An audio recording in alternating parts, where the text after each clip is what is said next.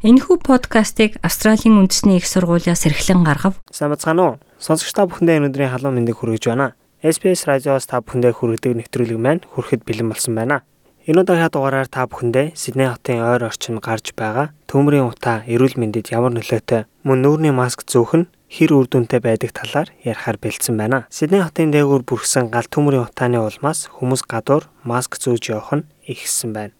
Гал төмрүүд New South Wales мужаар тархаж утаан манан үзэгдэх нь энэ зүүн хэвийн үзэгдэл болоод байна. Сидней хотын утаа аль хэдийн рекорд давсан удаан хугацаанд үргэлжилж байгаа бөгөөд ус цаг уурын хорооны мэдээлснээр ойрын хэдэн өндөртөө тэнгэр цэлмэх шинжгүй байгаа юм байна. Үзэгдэх орчныг хаахаас гадна утаа нь PM2.5 гэсэн хүний уушгинд амьсгалаар нэвтрэн цусны урсгалд чимэгдэн орох боломжтой хортой биет агуулдаг. Одоогийн Сиднейгийн агаарыг амьсгалахад 30 ширхэг тамхи нэг өдөр татсантай тэнцэнэ гэж харьцуулж байна. Гэхдээ эрүүл мэндийн мэрэгжилтнүүд үүнийг тийм энгийн биш гэж хэллээ. Тэдний хэлдгээр энэ санаа зовох зүйл гэхдээ төвшөөрлөх асуудал биш хэмээн Woolcock анагаахын судалгааны институтын амьсгалын замын эмч профессор Guy Marks SBS News-д хэлсэн юм. Тамхины утаанд агуулгадах хүний биед тодорхой ортой нөлөө үзүүлдэг бодис биомасс эсвэл мод шатаагаад гардаг утаанд агуулгаддаг бай.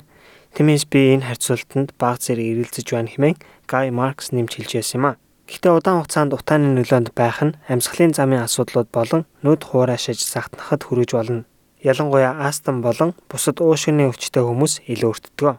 Тэгвэл та өөрийгөө яаж хамгаалах вэ? Хаалга цонхоо битүүлсэн дотор орчинд байх нь амьсгалах утааны хэмжээг багасгах хамгийн үр дүнтэй арга юм а. Сайн битүүмжилсэн байранд агаар цэвэршүүлэгч ашиглах нь хортой биетийг шүүн зайлуулахад тустай гадаа гараад марафонд гүйх, хагас марафонд гүйх эсвэл эрчимт дасгал хөдөлгөөн хийхэд тохиромжтой цаг үе биш байна хэмээн профессор Маркс хэлж байлаа. Сидней хотоор явж буй зарим хүмүүс утааны эсрэг маск зүүж эхэлсэн. Гэхдээ үр дүн нь эргэлзээтэй. Профессор Маркс хэлэхдээ ямар маск хэрэглэж байгаагаас хамаарна гэсэн юм а. Мис заслын маск ямар ч үр дүнд хүрэхгүй хэмээн тэрээр хэлж байлаа. Хүмүүсийн зүгээд байгаа бариу бэхэлгээгүй энгийн мис заслын маск нь бусад хүмүүст халдварт тарахаас хамгаалах зорилгоор хийгдсэн тул ямар ч үр дүнгүй харин ч сөрөг нөлөөтэй. Харин P2 мөн N95 гэж нэрлээд байгаа маскууд нь хорт бодисыг 95 хувиар шүүх чадвартай тул өндөр үр дүнтэйгээр таныг хамгаална. Royal Melbourne нэмлэг болон Питер Маккалум хавдрын төвийн амьсгалын замын эмч дэд профессор Лу Ирвин ихэнх хүмүүст үүний зөв шаардлага байхгүйг хэлж байсан юм а. Архаг амьсгалын замын өвчтөй биш бол Сиднейг бүрхсэн мод шатаад гарсан утаа ихэнх хүмүүст хортой нөлөө байхгүй хэмээн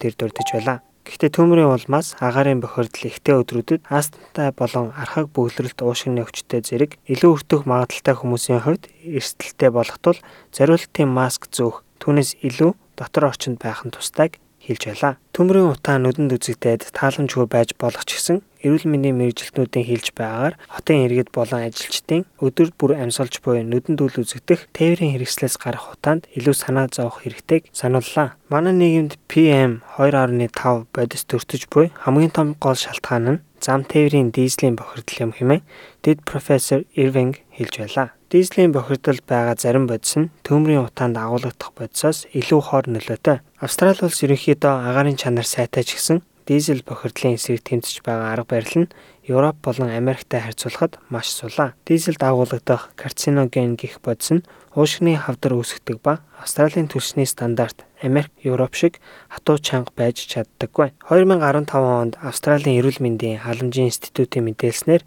Австралид агаарын бохирдлоос болж жилд 3100 үхэл тохиолддог гэсэн байна. Профессор Маркс Австрали улс агаарын бохирдлын эсрэг үргэлжлүүлэн тэмцэх хэрэгтэй гэдэгт санал нэг байгаагаа хэлж байлаа. Мэдээжийн хэрэг агаарын бохирдол ихсэх юм бол улам аюултай. Буурвал маш тустай гэж тэрээр хэллээ. Дараагийн дугаараар та бүхэнтэйгээ тун удахгүй уулзцаая. Монгол өв уламжлал Монгол гэсэн өрмөц онцлогоо бид хэрхэн хадгалах вэ? Австралийн тэргуулах зэргийн их сургууль болох Австралийн үндэсний их сургууль нь монгол хэлний онлайн курсыг танд санал болгож байна. Монгол хэлийг сурснаар танд өөрийн сурлага, ажил мэргэжилдээ цааш дахин дэвших боломж гарах болно. Монгол хэлийг бүх шатнд сурч болохоос гадна та хаанч амьдардаг байсан зайнаа сурах боломжтой юм. 2020 оны эхний улирлын эсэлд 12 сард эхлэх болно. Дэлгэрэнгүй мэдээллийг Asia Pacific цэг, ANU цэг, EDU цэг, AU зураас languages холбоосоор орж авна уу?